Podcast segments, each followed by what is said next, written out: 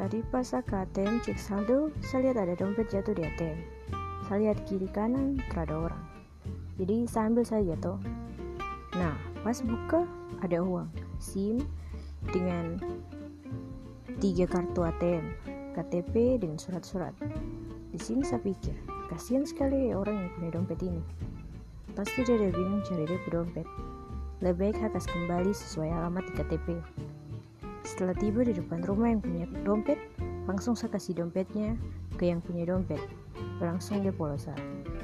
Penuh kegembiraan.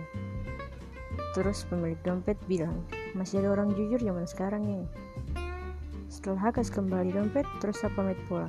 Terus tiba-tiba yang punya dompet langsung kasih keluar. Semua uang yang ada dalam dompet baru dikasih saya. Saya bilang, terus saya, terus bantu kokas kembali dompet karena itu bukan sapu hak. Tapi Maci yang punya dompet tetap paksa supaya ambil uang dari dia. Dan dia bilang anggap saja ini sebagai tanda terima kasih. Tapi Ha tetap tolak. Tiba-tiba Maci yang punya dompet langsung dikasih masuk uang itu ke dalam sapu-sapu ya sudah Ha terima saja. Pas di jalan suagak jauh saya melihat uang itu tapi saya malu.